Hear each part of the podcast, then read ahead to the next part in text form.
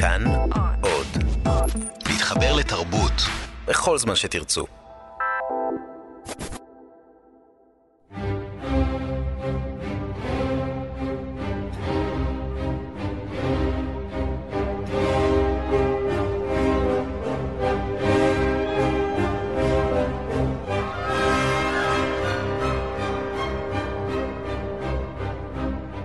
מאחורי הקלעים, שעה עם רותי קרן על צידו הנסתר של עולם התרבות והאומנות.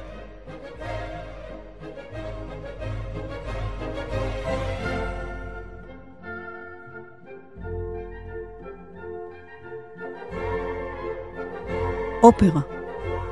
אופרה. אופרה. או אולי אופרה?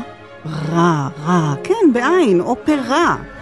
האם יש בכך חילול הקסם? לפחות באשר אה, לבמאי היוצר דני ארליך ולאופרה קאמרה שהוא מוביל עם מירב ברק, מדובר בההפך מזה. וההפך, הפורע את האופרה, המחלל לכאורה את קודש הקודשים, היא אמנם מילת מפתח, אבל הרי לא מדובר כאן בענייני לשון ושפה, אלא במהות. אופרה אחרת. אבל באיזה אופן אחרת? מדוע אחרת? והאם עדיין זוהי אופרה לכל דבר? ובכלל, מה רע באופרה כפי שהיא, מוכרת לנו מאות בשנים, גרנדיוזית, מפוארת, מכשפת, שעדיין זוכה לפופולריות עצומה? למה לנו אופרה?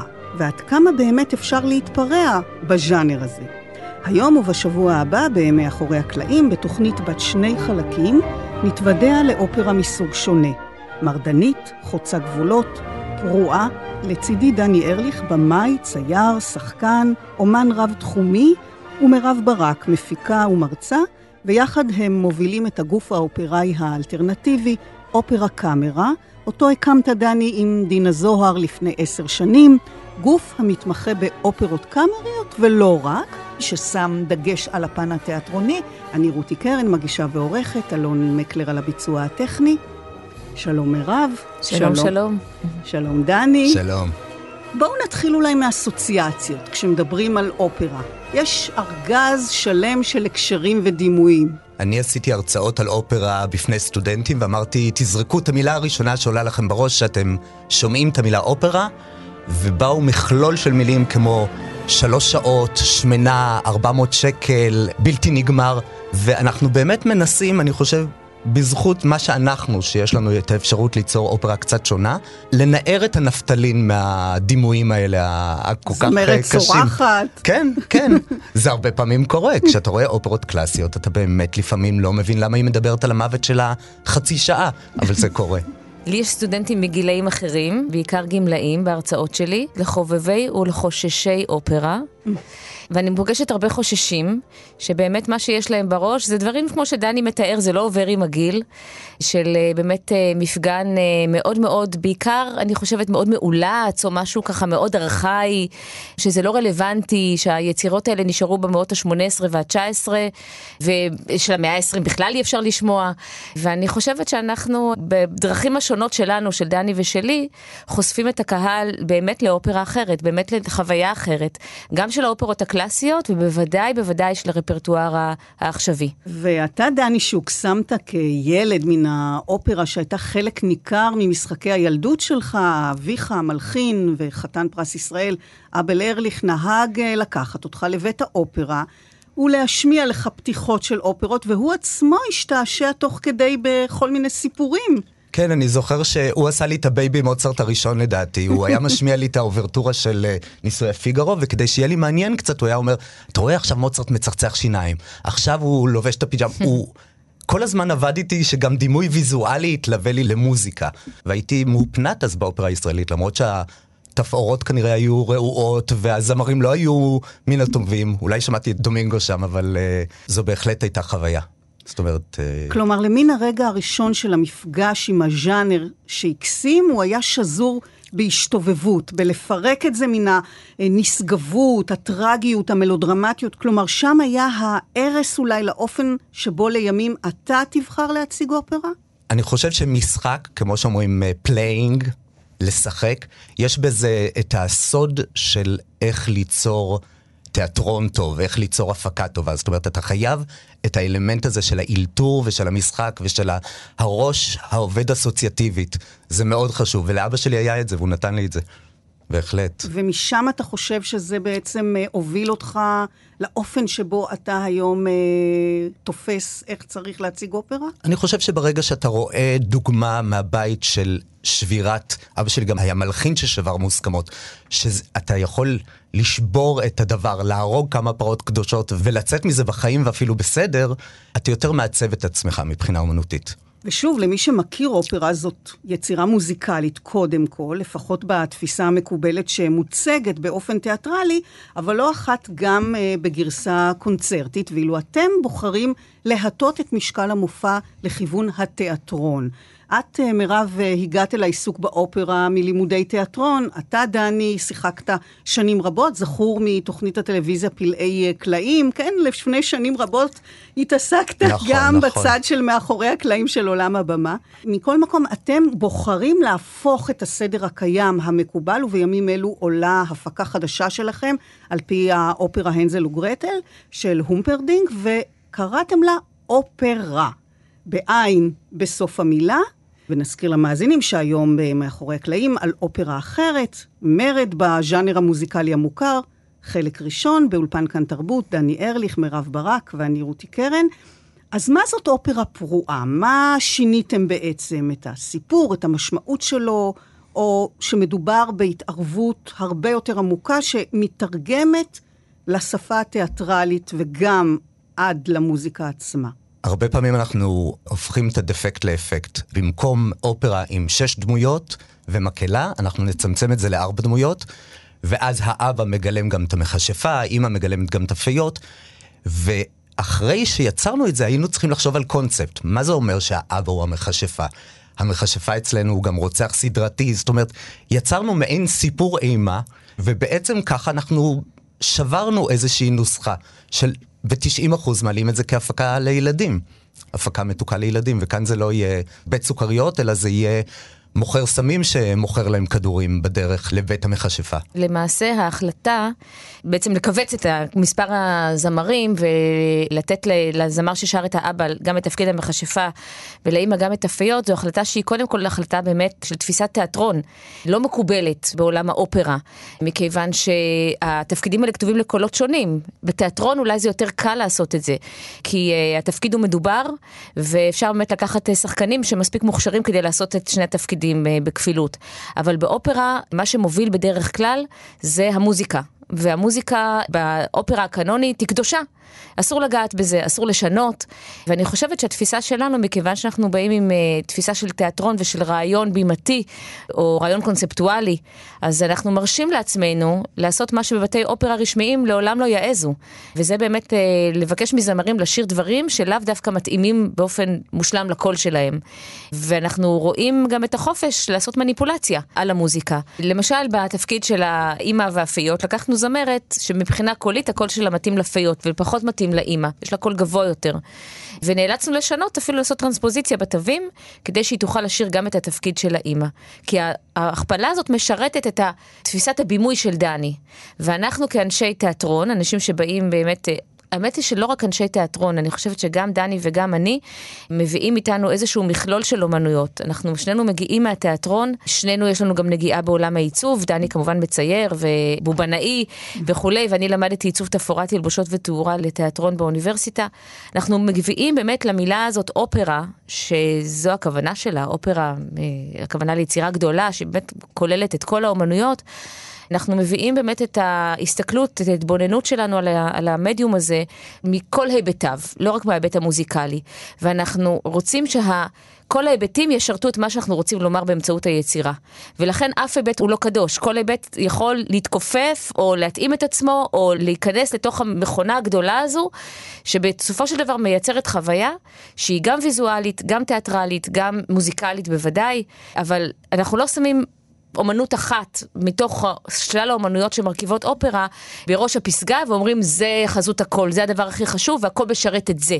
לא, האומנויות משרתות אחת את השנייה, וזו תפיסה שהיא תפיסה שונה ממה שמקובל בבתי האופרה המסורתיים נקרא לזה, אבל אני חייבת לציין שאנחנו לא היחידים. יש כמה וכמה בתי אופרה שעושים את זה גם. עכשיו, אני מבינה שפה באופרה הזאת לא רק עשיתם... שינויים אה, בשביל הזמרת, אלא קודם כל אני רוצה להבין באמת מה הוביל את הבחירה הזאת, המסוימת, שבאמת האבא הוא גם יהיה המכשפה. אני מבינה שאין פה תזמורת בעצם. למעשה אלא... השתמשנו באומן אה, בשם אלון עזיזי, שעושה מוזיקה קלה, וגם יש לו נגיעה למוזיקה קלאסית. והוא נתן לנו פס אלקטרוני שילווה את כל היצירה, שזה גם דבר חדש שאופרה קאמרה עושה. כלומר? מעת, זאת אומרת, הפסנתרנית מפעילה גם מחשב. בנוסף ל...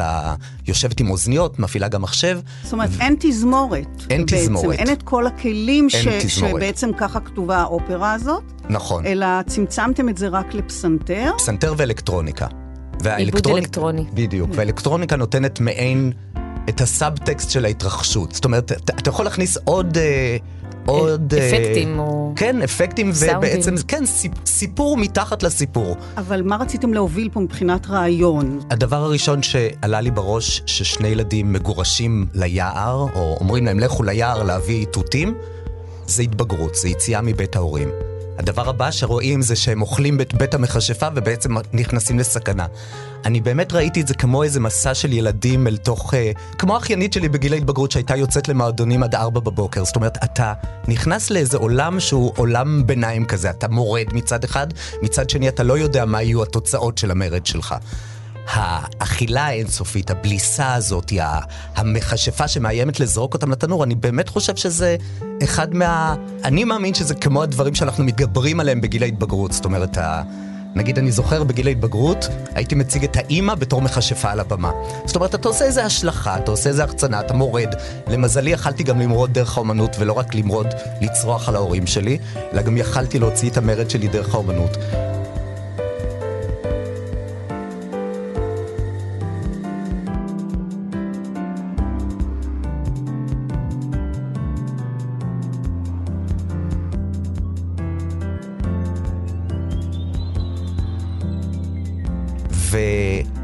והאבא שמצויר כמכשפה והאימא שמצוירת כאיזה פיות אפלוליות בלילה, זה באמת העולם שאנחנו עושים השלכה להורים בגיל ההתבגרות, מוציאים את כל הג'יפה שלנו. זאת אומרת, הבית הופך להיות פה המקום המסוכן. בדיוק. ההתרחשות היא בתוך המשפחה, שם קורים הדברים הנוראים ביותר. בדיוק, בדיוק. שבעצם אנחנו יודעים שזה ככה.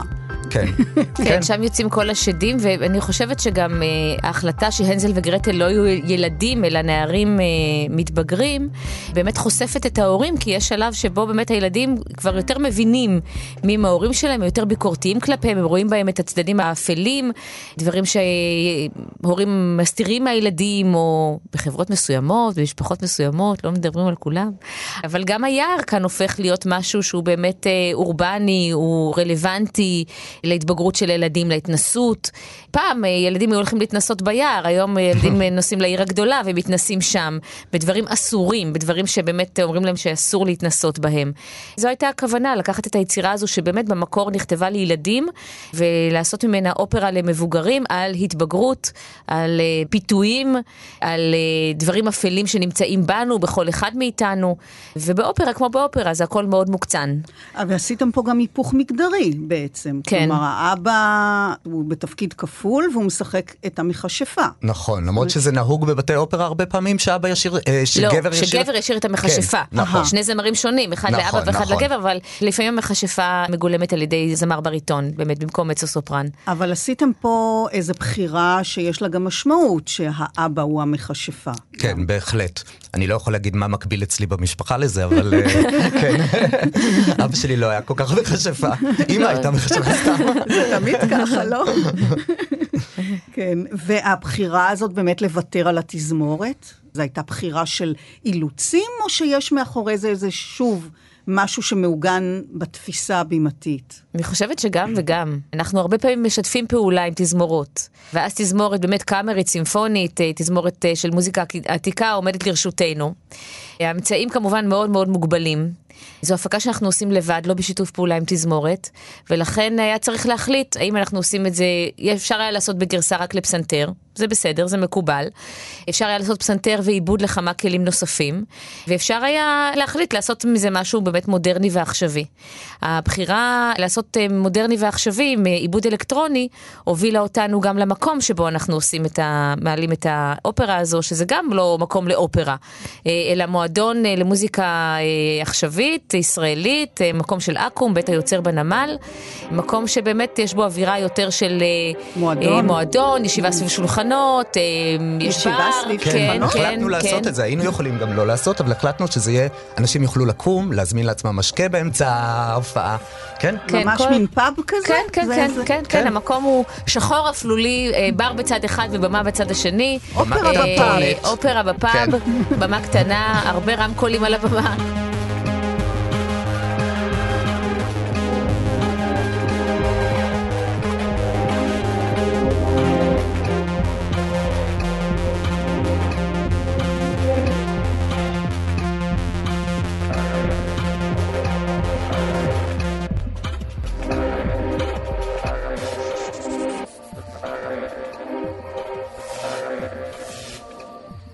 כל התפיסה היא תפיסה מאוד לא אופראית במובן הממוסד והמסורתי של המילה. אבל עומדת מאחורי הבחירה המוצהרת הזאת לאופרה אלטרנטיבית, אוונגרדית, אה, סיבה, הצדקה, חוץ מהרצון להיות אה, שונה, למרוד, להשתולל? למה זה נכון לאופרה? אני חושב שבגיל ההתבגרות הובלתי על ידי הרצון להיות שונה, להבדיל את עצמי מאחרים, ואז באמת הייתי צריך להניף המון דגלים, גם מבחינת איך שהייתי, התלבשתי, וגם מבחינת איך, מה שעשיתי באומנות.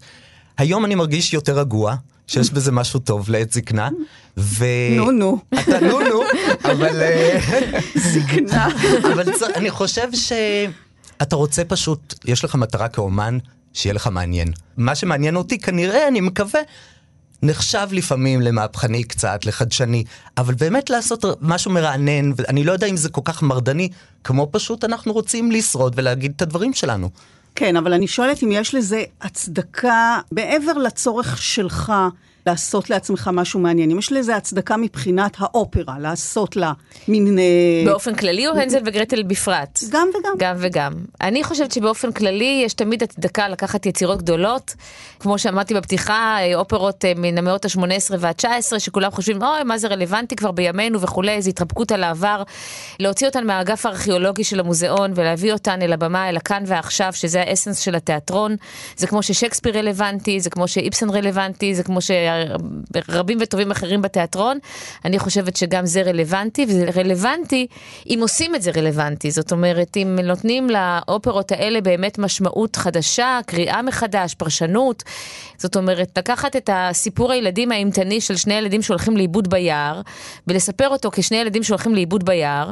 לא יודעת אם יש לזה כל כך, אה, אם זה כל כך משמעותי היום, אבל אה, באופן שבו אנחנו וגם במקומות אחרים מציגים אופרות אה, ישנות, מה שנקרא, בפרשנות חדשה, זה באמת דרך להשתמש במוזיקה, באסתטיקה, באופן באמת שהוא מעניין, שהוא רלוונטי, שהוא מדבר אל הקהל, שהוא מחובר אל הכאן ועכשיו, שזה זה התפקיד הראשון של האומנות, להיות רלוונטית. אז איך נעשית הבחירה? איך מתגבש הרעיון, הקונספציה? למשל, בהנזל וגרטל, אתם אה, הופכים את הסיפור, הופכים את המשמעות, את מקום ההתרחשות, משנים את ההרכב המוזיקלי, משתמשים במוזיקה באופן שונה, הופכים את היצירה על פיה. מה בכל זאת נותר מהיצירה המקורית? הכל. זאת אומרת, הזמרים שרים את היצירה. הזמרים שרים בדיוק את היצירה, קיצרנו קצת לטובת ההפקה, המוזיקה נשארת. הפסנתר. הליווי של הפסנתר הוא בדיוק הליווי שכתב הומפרדינק, השירה של הזמרים היא בדיוק מה שכתב אה, הומפרדינק, השירה היא בגרמנית, תרגום לעברית. הזמרים למדו את התפקידים כמו שהם לומדים תפקיד רגיל באופרה. על בכלל באופרה קאמרה שאתם מנהלים, אתם מתעסקים באופרות אה, קלאסיות מוכרות לצד אה, מוזיקה עכשווית ויצירות של מלחינים ישראלים שנכתבו במיוחד אה, לסיפור או מחזה שאתם אה, בחרתם, ואני רוצה להתעכב באמת על שיווי המשקל בין התיאטרון למוזיקה. זה עניין לא פשוט, במיוחד למוזיקאים, לזמרים ומעל הכל למנצחים, הוראות הבימוי, העמדה על הבמה, הפעולות הפיזיות, הצורך של הזמרים לשיר היטב בתוך לבוש אה, שמפריע או תפאורה, שלא נוחה להם, אה, כל אלו יוצרים אה, בוודאי חיכוכים, ואתה, דני, אה, כבמאי יוצר, לא מוותר, אבל דווקא מכאן צומחת אולי אה, יצירה מקורית. קודם כל אני מעריץ זמרים, הם כמו מחשבים נעים, הם צריכים לדעת שפה, לדעת לשיר בקצב, לדעת לשחק, זאת אומרת, אני חושב שזמרים נמצאים בהמון לחץ. מישהו שם למטה בפית, בכוך הזה, איפה שהמנצח נמצא, נועץ בהם עיניים בכל רגע, הם צריכים להוכיח את עצמם, הם צריכים לדייק בשפה, הם צריכים לדייק במוזיקה, והם צריכים לדייק גם בבימוי, והרבה פעמים הם הולכים לאיבוד בכל זה, ובמיוחד כאלה שאין להם איזה, לא קיבלו מתת של כישרון משחק, אתה צריך לעזור להם. אז אתה באמת צריך, נגיד, אני זוכר, ב... ביימנו את uh, קרמן, הפקנו את קרמן בחיפה, והיה זמר שנבלע בתוך החברות של קרמן והמבריחים וזה, והוא בא אליי כזה בתוך כל הבלגן הזה של המקהלה וזה, הוא אמר, אני לא יודע מה אני עושה, אני לא יודע מה, איך לשחק, אמרתי לו, תתגרד. ו... וברגע שהוא התחיל, עידו, ובר... כי אני קודם כל הבנתי שהוא צריך, שיש בו משהו קומי. והוא היה, היה אמור להיות דמות קומית, אבל הוא היה כל כך אבוד שם. הרבה פעמים אתה צריך לתת לשחקן את התשומת לב הקטנה הזאת ואת הטיפ הקטן הזה, ואתה לא חייב לפעמים להסביר לו. אדם מספיק אינטליגנטי, שחקן מספיק אינטליגנטי, מנתב את עצמו ומוצא את הדמות. אני הרבה פעמים בכלל עובד מהחוץ אל הפנים, זה טוב עם זמרים. אני קודם אומר להם את הפעולות, ואחר כך הם מבינים את הפסיכולוגיה. עכשיו, יש הרבה כאלה שלא מבינים את זה. למה? מה? למה אני מרים כאן את היד? אבל אתה רואה לאט לאט איך הדמות נכנסת בהם, שזה טוב. אז מה, מה, הוא התחיל להתגרד ואז? וזה נפתר. הסצנה באמת? נפתרה. כן. ואיך, למה בחרת בזה דווקא? לא יודע. מה, סתם? אני חושב שכמו צייר שאומר למה הוא בחר בכתום. הוא בחר בכתום כי זה בדיוק היה, היה חסר דמות מתגרדת שם בקצה הבמה. ולהם אתה אומר חשוב אה, לשיר יפה, לעמוד, באמת המחויבות שלהם למוזיקה, ושהם אה, לא יודעים, איך אתה בעצם מתקשר איתם כש... הם מאוד נעולים על הדבר הזה, ואתה בעצם רוצה למשוך לחלק של התיאטרון יותר. אז איך מתקיים ה... המשא ומתן הזה. יש לי כאילו כמה, אני תמיד קורא לזה הזמרים שלי. אנשים שאני יודע שכשהם יהיו בהפקות שלנו, הכל יהיה בסדר. ויש אנשים שהם לא כאלה, ואתה אמור בעצם לתמרן עם זה. אני חושבת שדני יודע לעשות את הבלנס בין אלה שבאמת אפשר לשים עליהם יותר פעולות, תנועה, תשומת לב בעניין הזה, לבין אלה שצריך אה, להניח להם קצת, גם לתת להם להתבשל לתוך העבודה עם דני, שהיא באמת לא תמיד אינטואיטיבית קלה לזמרים. יש כאלה שעובדים איתו פעם ראשונה, שאולי אה, באמת דרך העבודה קצת אה, זרה להם, אז אני חושבת שדני יודע, כמו שאמרתי, את הבלנס הזה, ובסופו של דבר, גם הזמרים שבהתחלה קשה להם להתניע, נכנסים לתוך העניין. לפעמים הפעולות נותרות פעולות טכניות. אבל כמו שדני אמר, אם התהליך יש בו קצת יותר משבועיים חזרות, אז הם גם אה, מצליחים אה, באמת אה, להפנים את הסיבות. ובסופו של דבר, מה שהקהל רואה על הבמה, הרבה מאוד פעמים, זה כמעט קוריאוגרפיה. זאת אומרת, כל אחד עושה איזושהי פעולה, אבל התמונה המלאה היא מאוד מנומקת, היא מאוד מובנת. במיוחד כשדני מניע מקהלה על הבמה, אני לפעמים רואה את זה, זה מדהים. אני רואה חזרה רק עם מקהלה, אחר כך חזרה רק עם סולנים, אחר כך הכל מתחבר ביחד, ופתאום רואים שיש תנועה על הבמה שהיא ממש, הם משלימים אחד את השני. ואני חושבת שבעבודת הבימוי, זה האתגר המאוד מאוד גדול, לסנכרן לא רק את התנועה על הבמה, יש גם במקרה של כרמל למשל, שעשינו בחיפה, כל התפאורה היא תפאורה מוקרנת, אימג'ים מוקרנים, שמשתנים כל הזמן, זאת תפאורה מאוד מאוד מאוד דינמית, ויש כמובן גם את התאורה, והמוזיקה מוסיפה המון דינמיקה לעניין. ואני חושבת שהעבודה של במאי באופרה, זה באמת לראות את התמונה המלאה, אבל מה שמדהים הוא שעל כל דבר עובדים בנפרד. זאת אומרת, יושבים עם הבחור שעושה את האימג'ים, ויושבים עם התאורן, ויושבים עם מעצבת התלבושות, ועושים חזרה עם המקהלה, ועושים חזרה עם הסולנים, ובסוף גם נכנסת התזמורת, וכשעבודת וה... הבימוי היא טובה, אז הקסם הזה עובד, כן. אה, בהיבט של דיברתי עליו קודם, של השילוב של האומנויות, שבאמת כל המרכיבים משרתים את הדבר הגדול, שהוא האומנות בסופו של דבר, שהיא מורכבת מהמון המון המון היבטים, והמון אמצעים אומנותיים. אבל כשאתה עובד על כל דבר בנפרד, זה אחרי שכבר ראית במוחך את המכלול אה, נשזר ביחד? אני מאוד עצלן, אני עובד מאוד מעט, אני עושה מה שאני צריך, אני צריך לתרגם את האופרה, אני יושב, אני מקלל כל רגע שאני מתרגם את האופרה.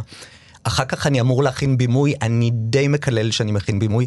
יצירה היא לא תמיד כיף. ההנאה באמת הגדולה היא, כמו שמירב אמרה, הרגעים האלה, במיוחד באופרה, שאתה מקבל בונוס, כמו תזמורת שנוספת, הרגעים האלה שאת התאורה, מאירה את התפאורה, את הזמרים שעושים, זה באמת הרגעי קסם ששווה להישאר בשביל... אבל כשאתה מתכנן את זה, אתה מתכנן את המכלול, אתה רואה במוחך איך הכל ישתלב זה בזה, או שזה פשוט קורה? אני מקווה שאני כן רואה את זה. זה הרבה פעמים אתה... go with the flow, אתה פשוט לפעמים מגיע והמצב הוא לא בדיוק, במיוחד שאנחנו אופרה אלטרנטיבית, ולא תמיד ה... ה vision הוא בדיוק מה שראית, אבל אה, אתה צריך לכבד את התהליך. צריך לזכור שמדובר אה, באופרה, בדרך כלל עם תזמורת ומנצח, האוטוריטה העליונה היא המנצח. ואילו אתה מנסה לא פעם לערער על זכות השלטון שלו, okay. כן. ואז זה יכול, וגם קרה, שאתה מוציא אותה משיווי משקל. כן, אסור, כן. זה ארץ קטנה, צריך להגיד רק לענות בכן ולא. הפקנו אופרה גדולה, והיה מנצח גדול. שבא מחו"ל, זה כבר נשמע טוב. והוא גם היה מנהל אמנותי של התזמורת, ומשהו לא הסתדר בינינו. זאת אומרת, קודם כל הוא רצה שהמקהלה כל הזמן תסתכל עליו. עכשיו, יש בזה היגיון, גם הייתה מקהלה לא לגמרי... אוקיי. לא, לא לגמרי, זה לא נשמע טוב. לא, מקהלה לא מעולה, מצוינת. לא מקצועית, אבל מקהלה מעולה. כן. זה מה שהתכוונת לומר לא לגמרי? בדיוק. כן. והיה פשוט ויכוח live, זאת אומרת, זה היה בגנרלית לדעתי. הוא ישב שם ב pit, והוא כל הזמן הזיז אותם על הבמה. ואחר כך היו איזה זוג אה, זמרות שחקניות שתופפו עם העקבים שלהם על הבמה והרעישו קצת, באמת בקטע מאוד פיאניסימו, והוא צעק, עוד פעם הבאה שאני זה, זה, אני עוזב, אני קם, ואני אמרתי לו מלמעלה, בסדר, מאסטרו, וזה. עכשיו, לא היה ויכוח, אבל אני... אני חושב שזה גם הבונוס של אופרה קאמרה כשאנחנו לא עובדים, זה היה של אופרה קאמרה, אבל כשאנחנו לא עובדים עם גופים גדולים, אנחנו מורידים לעצמנו קצת את החילוקי דעות האלה, זאת אומרת, למרות שעדיין, אני חושב שנגיד לזמרים היום, אלון עזיזי, הוא מבטא את המנצח. וקשה להם, קשה להם עם החיבור של המוזיקה העכשווית למוזיקה הקלאסית שלהם, אבל הם התרגלו וזה יהיה מצוין. אין מה לעשות, זה, זה הרבה אומנים, הרבה אגו, הרבה, הרבה דברים להתחשב בהם. אני, לא, אולי אני אוריד את המילה אגו. זה באמת הרבה דברים להתחשב בהם. כל אחד רוצה שהפן שהוא מביא יהיה טוב ביותר. כן, אבל יש גם דברים מקובלים, באמת מקובל באופרה הסטנדרטית שהמנצח הוא המחליט, הוא ה... נכון? נכון, המנצח ופה... זה בא עם האג'נדה הזאת. כן, אבל אנחנו, אני שמחה לומר שאנחנו הרבה מאוד פעמים עובדים עם אנשים, עם מנצחים, עם מוזיקאים, שמבינים את הפן הנוסף שאנחנו תורמים, אפילו יותר מזה, ליצירה, ושצריך למצוא באמת את דרך הביניים גם מהצד השני. אבל קרה לך שבאמת אה, זה היה ממש אה, ברמה כזאת שזה לא הסתדר? שזה אה, פשוט... לא קרה לי שהתפוצצה הפקה בגלל זה, אבל יש את הדבר הזה. זאת אומרת, אני, ההפך, אני יכול לזכור דווקא לטובה, שעבדנו עם ברוקדה ועשינו את דידו ונאס בזמנו, שדווקא בא מנצח ואמר, כן הם יכולים לשיר עם גב לקהל, כן הם יכולים. גב אומרת, לקהל? כן. זמרים עם הגב לקהל? כן. נו, נו, למה זה? עד היום אני מתמקח עם זמרים שאפשר גם לשיר עם גב לקהל, יש להם הרי גרונות כמו שופר, הם יכולים לתקוע... זה תיאטרון. גם תיאטרוניסטים הרי לא אוהבים להיות גב לקהל, אבל כאילו... כן. אז המנצח הזה קיבל את ה... הוא קיבל, כן. זאת אומרת, הוא אמר, אני בא מתיאטרון, אני בא מעולם כזה, אני יכול להבין. כן, אנחנו מדברים כאן על המקום העליון שניתן למוזיקה ולשירה בתוך האופרה, אבל מכיוון שאנחנו מדברים היום על אופרה אחרת, ועל מרד בתוך הז'אנר המאוד מקובע ושמרני הזה, את מירב חקרת אה, אולי את הצד הפוך לחלוטין למהות הבסיסית הזאת של קול, של צליל. מסתבר שישנן אה, דמויות ראשיות באופרה שהן אילמות, הן לא שרות בכלל. אמרת שרים עם הגב. אני מבינה לא שיש כאלה שלא שרים בכלל. כן. ואתה ביימת אופרה כזאת, דני. בהחלט. המחקר שלי לסיום התואר השני היה על הדמות האילמת באופרה. זו תופעה מאוד בשוליים, אבל קיימת, של המאה ה-20. שהחלה עם אה, האופרה רוסלקה של אנטונין דבוז'ק, שמבוססת על הסיפור של בת הים הקטנה. בת הים הקטנה, אני רוצה להזכיר, הופכת מבת ים לבת אדם, כאשר היא מעניקה למכשפה את הקול שלה. זאת אומרת שדבוז'ק מלחין יצירה שהדמות הראשית בה, מחצית מהאופרה לא שרה. נוכחת על הבמה ולא שרה. וזו בחירה באמת רדיקלית ממש. דבוז'ק הלחין את האופרה הזאת ב-1900, בדיוק בתפר בין המאה ה-19 למאה ה-20. אחרי המאה ה-19 אדירה באופרה, בכל הסוגות, בכל באמת סגנונות, האיטלקי, הגרמני והצרפתי, האופרה מגיעה לשיאים שלא נראו כמותם במאה ה-19, והמאה ה-20 היא באמת קצת, אה, אנחנו מדברים על, על מרד, אז היא קצת מורדת באמת באופרות הגרנדיוזיות הגדולות, לטובת דברים יותר קאמרים ויותר ניסיוניים. אז זה ניסיון ראשון של דבוז'ק. אחר כך מגיעים ברכט ווייל, ביצירה שלהם שבעת חטאי המוות, יוצרים שם דמות של אה, אנה בט, אחת משתי הדמויות הראשיות, שאומרת שלוש פעמים במהלך האופרה יא אנה, וזהו.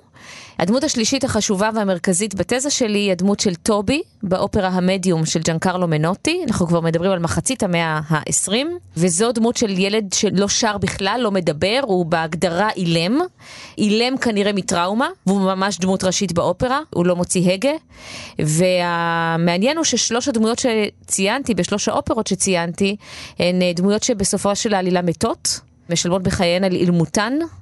והאילמות שלהם מחליפה בעצם את האידיאל, האידיאל הקולי של המאה ה-19, שזו הסופרן. הסופרן בעלת קול הזמיר, ששר את שירת הברבור שלה, שמגיעה לצלילים הגבוהים ביותר, הענוגים ביותר, ומשלמת בחייה. אה, זאת אומרת שבאיזשהו מובן זה מין אקספרימנט לשים דמות אילמת במקום הקול היפה ביותר, או שאחרי השיאים של המאה ה-19 הדבר היחיד שיכול להיות יפה יותר זה הקול שאינו שר. ובאופרה המדיום יש אה, דואט. אם אפשר לקרוא לזה דואט, בין מוניקה לבין טובי, למה אני אומרת דואט? טובי לא שר הרי, רק מוניקה שרה, אבל היא שרה גם את התפקיד שלו, היא בעצם שרה את מה שהיא הייתה רוצה שהוא יאמר לה, ובסופו של הדואט היא אומרת לו, טובי, אני רוצה שתדע שיש לך את הקול היפה ביותר mm. בעולם. אז או שהיא אומרת, הקול שלך הכי יפה כשאני שרה אותו, כשאני מגלמת אותו, או שהיא בעצם אומרת שהקול האילם הוא הקול היפה ביותר.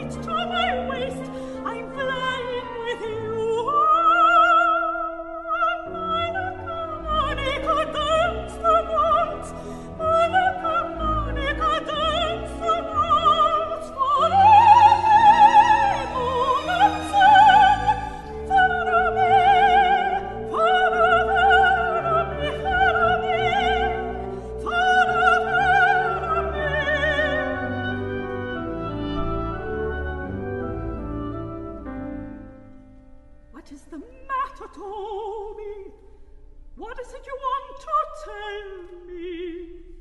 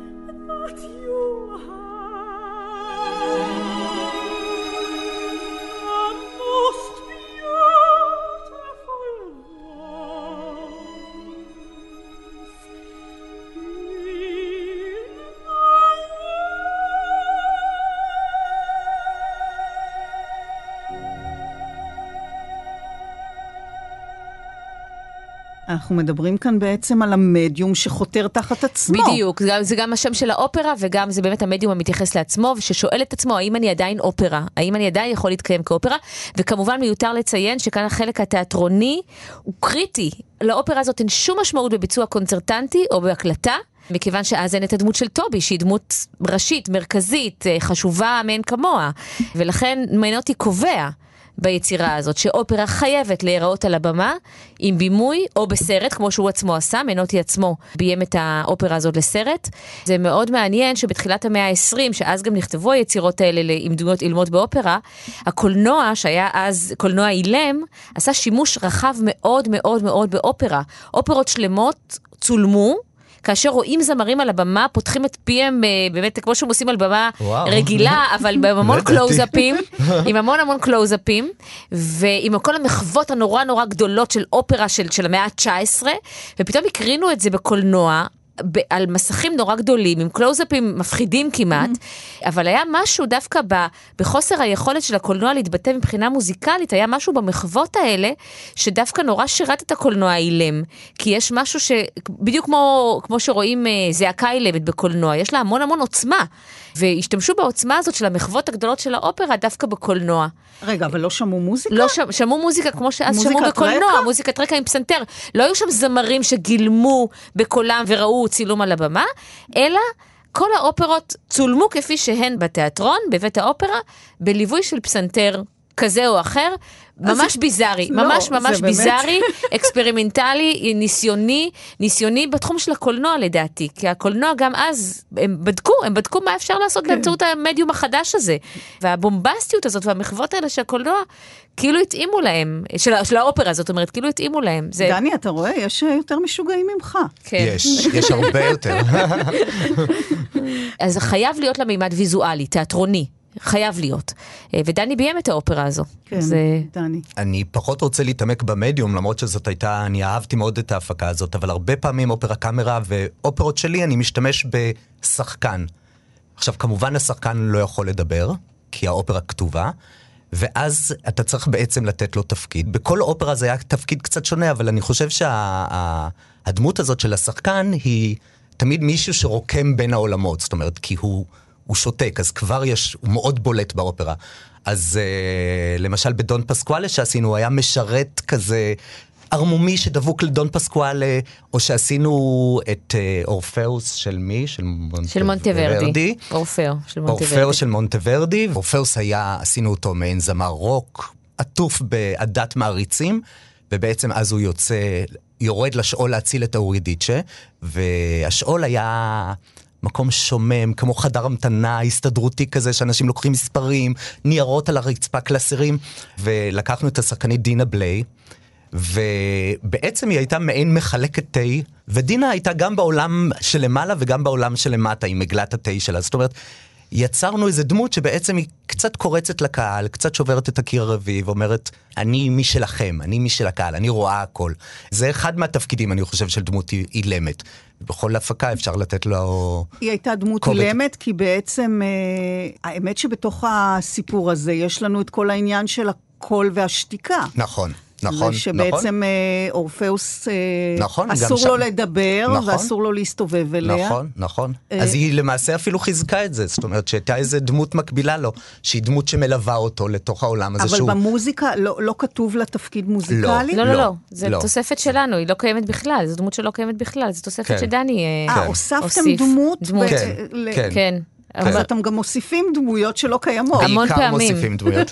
המון פעמים, שחקנים שבאמת אה, התפקיד שלהם הוא תפקיד אה, אילם, אבל כמו שדני אומר, הם מוסיפים משהו על היצירה. אני יכולה גם לומר ששיתוף הפעולה הראשון שלנו עם התזמורת הסימפונית חיפה, היה באופרה קרמן שציינו אה, גם קודם, וכשהגענו לפגישה הראשונה, ירדו עלינו הרבה, הרבה הנחתות, בוא נגיד את זה ככה, נכנסנו לאיזשהו דבר שכבר נעשו כל מיני החלטות לגביו, ובין היתר, בפגישה הראשונה, אני חושבת שזה היה כשנכנסנו. בחדר, הוצגה בפנינו אה, מיכל, שהיא אה, קוריאוגרפית אה, ורקדנית פלמנקו, והיא נזכרה לצורך ההפקה, זאת אומרת, אנחנו נכנסנו לחדר לפגישה ראשונה, וכבר היה לנו ברור ש, שיש רקדני פלמנקו. עכשיו, דני ואני הסתכלנו אחד על השנייה, נכון, כרמן, לכאורה מתבקש רקדני פלמנקו שיהיו על הבמה, אבל זה לא בדיוק הרעיון של אופרה קאמרה, לעשות אה, כרמן עם אה, חציות מתנפנפות אה, באדום ו- וכתום, ודווקא שיהיו צוענים על הבמה.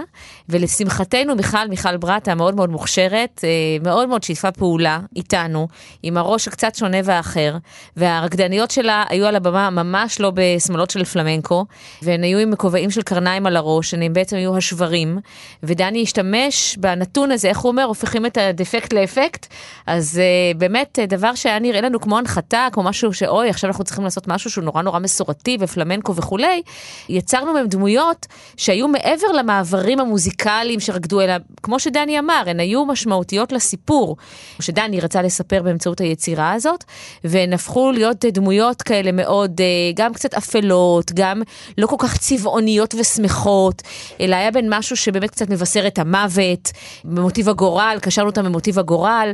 זאת אומרת, לקחנו לכאורה את הדבר הכי, שגם מוכתב לנו, כן, לקחת את הדבר שהכי מתחבר לקרמן מבחינה בימתית, ולעשות ממנו אפקט בימתי לגמרי אחר, לגמרי שונה, עם משמעות שונה לגמרי. ושוב, הן היו ארבע רקדניות, אילמות על הבמה, שהיה להן הרבה מאוד תפקיד מאוד מאוד חשוב ומשמעותי מעבר לצעדי ריקוד. חילול הקסם אמרתי בפתח דברנו, ולא בכדי, כך קראתם uh, לגרסה שלכם, לאופרה הנפלאה של uh, מוצרט חליל הקסם, שביצעתם ב-2002 עם ההרכב שנקרא אז אופרה אחרת, וגם שם שברתם את הסטרוקטורה של האופרה באופן חריף, uh, השתוללות מוחלטת בכל מובן.